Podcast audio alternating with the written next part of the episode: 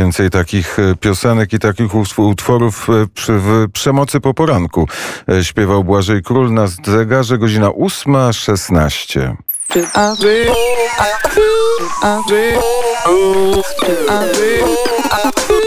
Wywiad wnet. A przy telefonie Radosław Fogiel, poseł i rzecznik prasowy Prawa i Sprawiedliwości. Dzień dobry panu.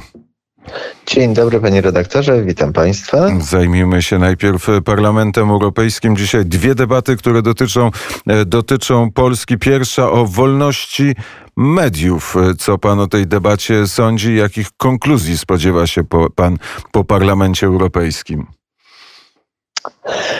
Myślę, że już na przestrzeni ostatnich lat trochę się przyzwyczailiśmy do tych debat w Parlamencie Europejskim, które pojawiają się jak grzyby po deszczu przy okazji tak w zasadzie bardzo różnych e, okazjach, e, najczęściej suflowane przez polityków naszej opozycji. E, więc z jednej strony spodziewam się mm, rytualnego pokrzykiwania y, wszystkich tych, którym jest bardzo nie po drodze z faktem, że w Polsce to już kolejną kadencję rządzi ugrupowanie konserwatywne, prawicowe. Y, wiemy, że to nie są poglądy specjalnie popularne w Parlamencie Europejskim, więc ta, ten sam katalog zarzutów i y, pouczeń po, w stronę Polski z pewnością będzie odświeżony. Z drugiej strony, no cóż, no, będzie ta debata przeminie, a mm, my tutaj w Polsce będziemy dalej pracować i realizować program, e, który Polacy wybrali dwa lata temu w wyborach. A nie ma e, takiego strachu wśród posłów e, Zjednoczonej Prawicy, że któregoś dnia takie debaty w Parlamencie Europejskim przerodzą się w końcu w rozmaite sankcje czy wstrzymanie pieniędzy europejskich, które mają takimi wielkimi strumieniami płynąć do, Euro do Polski?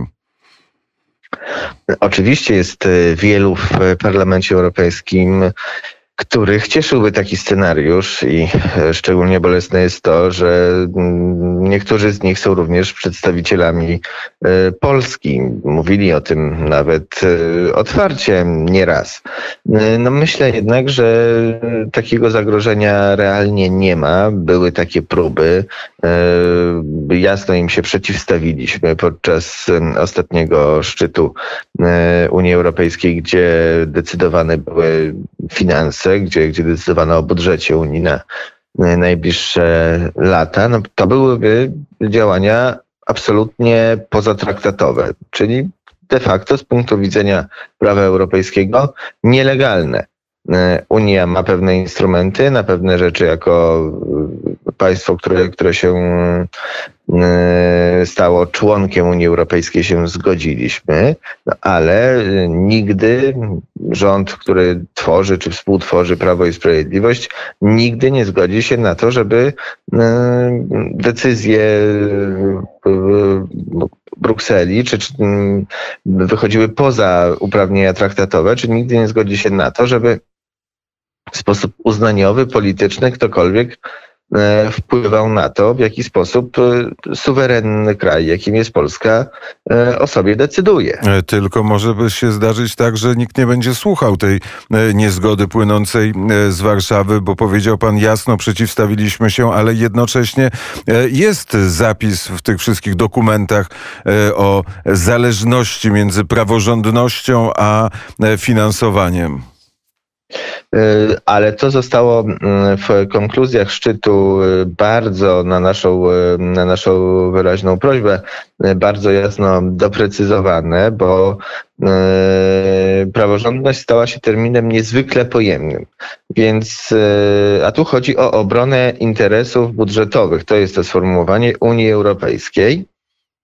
W związku z czym chodzi o to, e, że naturalnie można e, weryfikować sposób wydatkowania finansów unijnych, czy one nie są wydatkowane w sposób niewłaściwy, czy nie dochodzi do e, malwersacji, czy nie ma tam miejsca dla korupcji i to wszystko jak najbardziej jako praworządne państwo wspieramy. No oczywiście, panie redaktorze, zawsze można sobie wyobrazić sytuację i to nie tylko w Unii Europejskiej, ale w dowolnym, dobrowolnym zrzeszeniu czy stowarzyszeniu.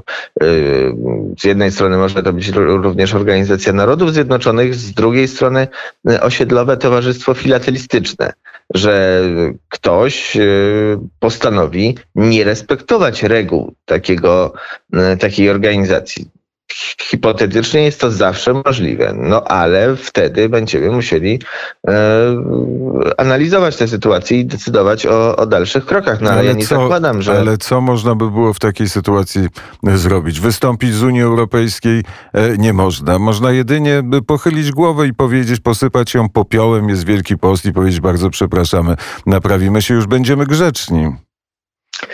No ja jednak y, jestem nieco większym optymistą. Jeżeli, y, jeżeli by mm, jakakolwiek organizacja w sposób y, drastyczny odchodziła od reguł, które obowiązują wszystkich członków, no myślę, że myślę, że, że wtedy nie pozostajemy bez jakichś możliwości działania. Trudno sobie wyobrazić, jakie to są e, możliwości działania, ale może od ogółu do e, szczegółu, bo patrzę na tygodnik e, sieci, okładka, pewno pan widział, brudna wojna w TVN-ie. Czy z tą sytuacją w TVN-ie pan się spotkał? No ja akurat czasami bywam gościem tej stacji, ale do tej pory niespecjalnie śledziłem wewnętrzne relacje tam panujące, chociaż e, myślę, że to akurat e, nawiązując do, do tego, od czego zaczęliśmy, czyli o debaty, do debaty o wolności mediów, myślę, że to akurat rzeczywiście pewne pytanie o wolność mediów stawia, bo to budzi głębokie zaniepokojenie, kiedy dowiadujemy się z listu dziennikarzy stacji, że dochodziło tam do cenzury, dochodziło do e, mobbingu. Mm, mówiono dziennikarzom, że o pewnych sprawach nie powinni na antenie mówić. No myślę, że e, to będą też argumenty, których e, będą używać niektórzy europosłowie w debacie, być może ku zaskoczeniu większości europarlamentarnej. Kamil Brużalski to jest ten nieanonimowy e, wpis, e, jeśli chodzi o sytuację w, w TVN-ie, opisuje pewne pewne nadużycia, nazwijmy to, jeśli chodzi o stosunki pracy i parę, e, parę innych e, spraw związanych e, z TVN-em. Czy Pana zdaniem powinno być tak, że ktoś, jakaś instytucja państwowa powinna skontrolować to, co tam się dzieje? No, oczywiście jest Państwowa Inspekcja Pracy i myślę, że to jest ta właśnie instytucja, która w takich sytuacjach powinna reagować. No, to, jest jej, to jest jej statutowa funkcja i obowiązek, jeżeli słyszymy o e, łamaniu prawa pracy, o nadużywaniu umów e, cywilnoprawnych po to, żeby nie wchodzić z pracownikiem w stosunek pracy, mimo że on realnie zaistniał, zwłaszcza kiedy, kiedy słyszymy to, to, to już na marginesie, bo to, to niezależnie od tego, to, to nie ma wpływu na to, że łamane są prawa, no ale jeżeli jeszcze dodatkowo słyszymy to ze strony stacji, która, e, która ma na swoich sztandarach najwyższe mm, standardy, e, to to rzeczywiście może oburzać. I myślę, że Państwowa Inspekcja Pracy tutaj e, powinna się tym tematem zainteresować. To już teraz dajmy spokój mediom. Powiedzmy, kto będzie kandydatem Prawa i Sprawiedliwości na stanowisko Rzecznika Praw Obywatelskich? Dziś jeszcze nie powiemy, bo dziś e, ostatecznej decyzji na temat e, kandydata e, nie ma. Do 19 marca jest termin na zgłaszanie kandydatur i oczywiście do tego momentu swojego kandydata zgłosimy. No, na teraz jeszcze, na teraz jeszcze e, nie ma takiej Bartłomiej Wróblewski jest takim kandydatem wymienianym e, przez media, ale czy w ogóle jest możliwe, żeby kiedykolwiek nastąpi zmiana na e, stanowisku Rzecznika Praw Obywatelskich? Już było kilka podejść nieudanych. Wiadomo, jaka jest sytuacja w Senacie. Senat jest inny, Sejm jest inny. Kandydaty kandydatury Prawa i Sprawiedliwości przechodzą oczywiście w Sejmie, nie przechodzą w Senacie. I tak ta sytuacja może trwać przez trzy lata? To jest oczywiście najczarniejszy scenariusz, ale teoretycznie, y, owszem, jeżeli, y, jeżeli opozycja będzie w sposób konsekwentny przedłużała, opóźniała i blokowała wybór y, nowego Rzecznika Praw Obywatelskich, mając tą większość blokującą w Senacie, y, to tak, choćby z tego powodu pani marszałek Sejmu zwróciła się do Trybunału Konstytucyjnego z pytaniem, co w takiej sytuacji, kiedy Konstytucja mówi jasno, że kadencja rzecznika trwa 5 lat, owe 5 lat minęły. No, dzisiaj pan Adam Bodnar sam się rzecznikiem zowie. Y, Jego sytuacja jest co najmniej niejasna, myślę, z punktu widzenia konstytucji. Tak jak czytam ją jako laik.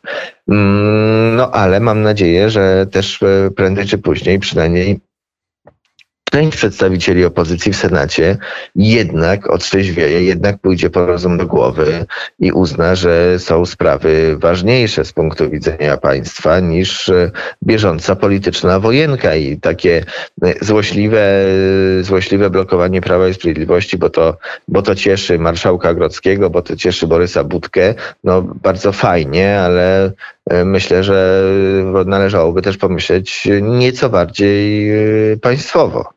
E, A Jan Rokita, przepraszam, że tak dopytuję, ale ciekaw jestem, czy ta kandydatura jest w ogóle rozpatrywana.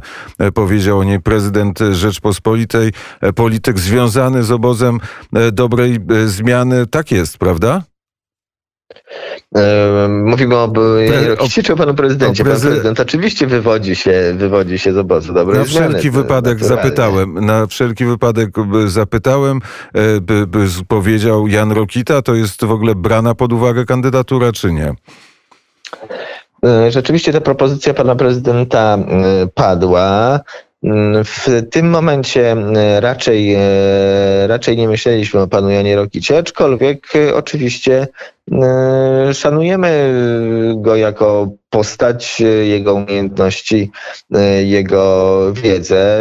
Wiadomo, że w przeszłości e, były różne sytuacje wywołane tym, po której stronie e, politycznego sporu e, staliśmy.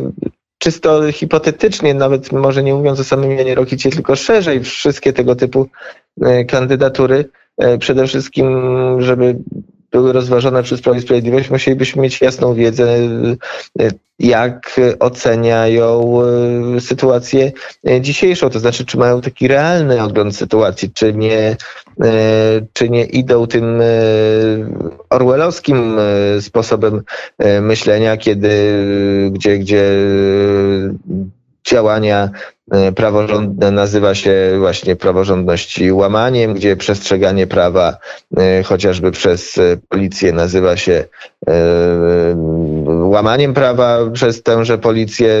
To są takie istotne kwestie dla, e, dla dzisiejszej Polski, dla kogoś, kto miałby pełnić e, tak istotną funkcję jak Rzecznik Praw Obywatelskich. To teraz przez chwilę o takich nieprzyjemnych dźwiękach e, porozmawiajmy, czyli o tym, co zgrzyta w, w Zjednoczonej Prawicy. Wczoraj kolejne spotkanie, oczywiście rutynowe spotkanie liderów Zjednoczonej Prawicy. I co z tego wynika? To było spotkanie poświęcone kwestiom, na- nadchodzącym kwestiom legislacyjnym, e, pracom nad e, ustawami. Mm, Z tego, co wiem, z tego, co mm, czytam, to spotkanie było e, owocne i w dobrej atmosferze. Nie ukrywamy, że rzeczywiście są pewne różnice między nami w Zjednoczonej Prawicy. To naturalne, kiedy e, tworzą ją różne środowiska.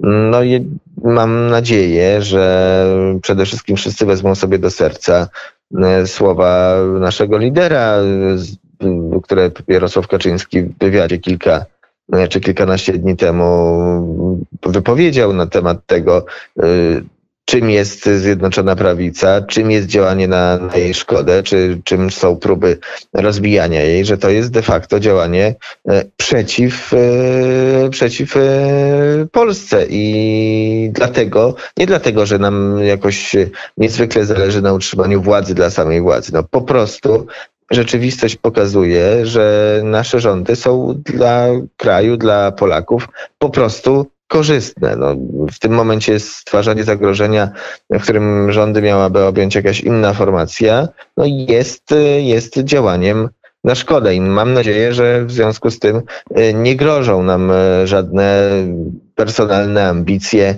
mm, które mogłyby, mogłyby wstrząsnąć y, rządem Zjednoczonej Prawicy. A to, że to, to, że są dyskusje, są różnice zdań, samo w sobie niczym nagannym nie jest. E, tylko, że jeśli dotyczą istoty na przykład polityki energetycznej, e, jeśli wsłuchujemy się w głos posłów Solidarnej e, Polski, no to wynika, że to jest bardzo istotna niezgoda na temat tego, w, jaki, w którym kierunku ma iść polityka energetyczna Rzeczpospolitej.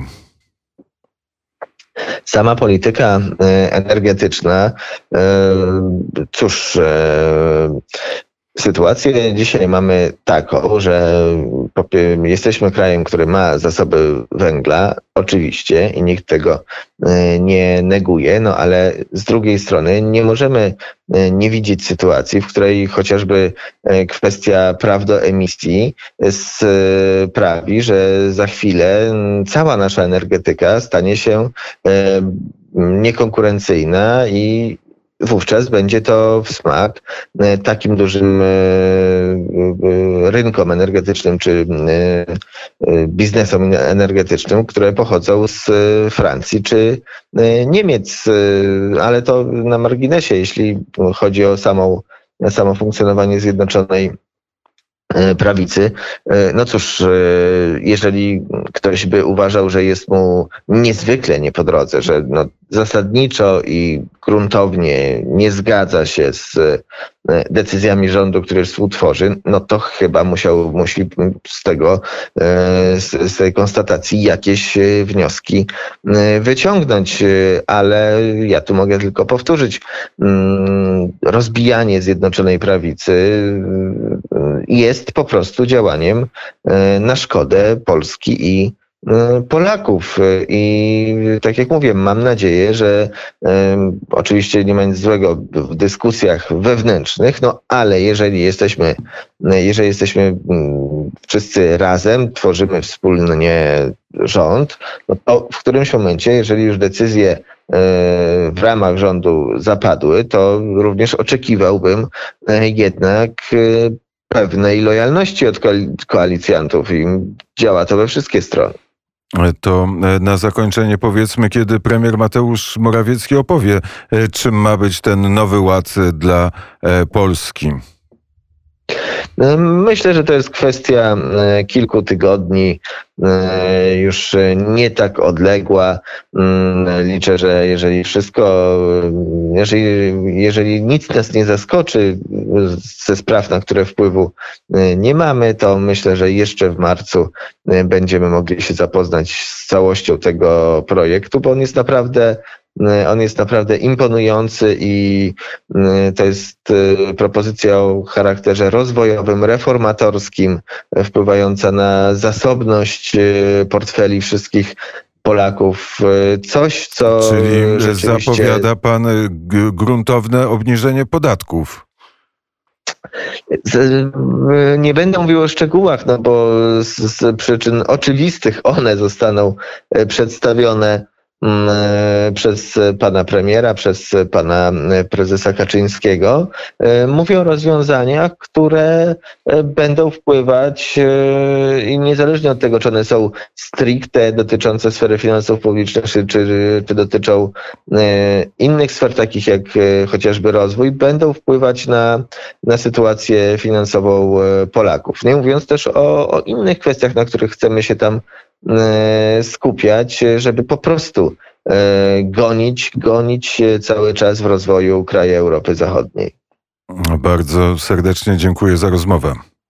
Dziękuję serdecznie, miłego dnia. Radosław Fogiel, poseł i rzecznik prasowy Prawa i Sprawiedliwości był gościem e, poranka wnet, a na zegarku już zrobiła się godzina 8.35.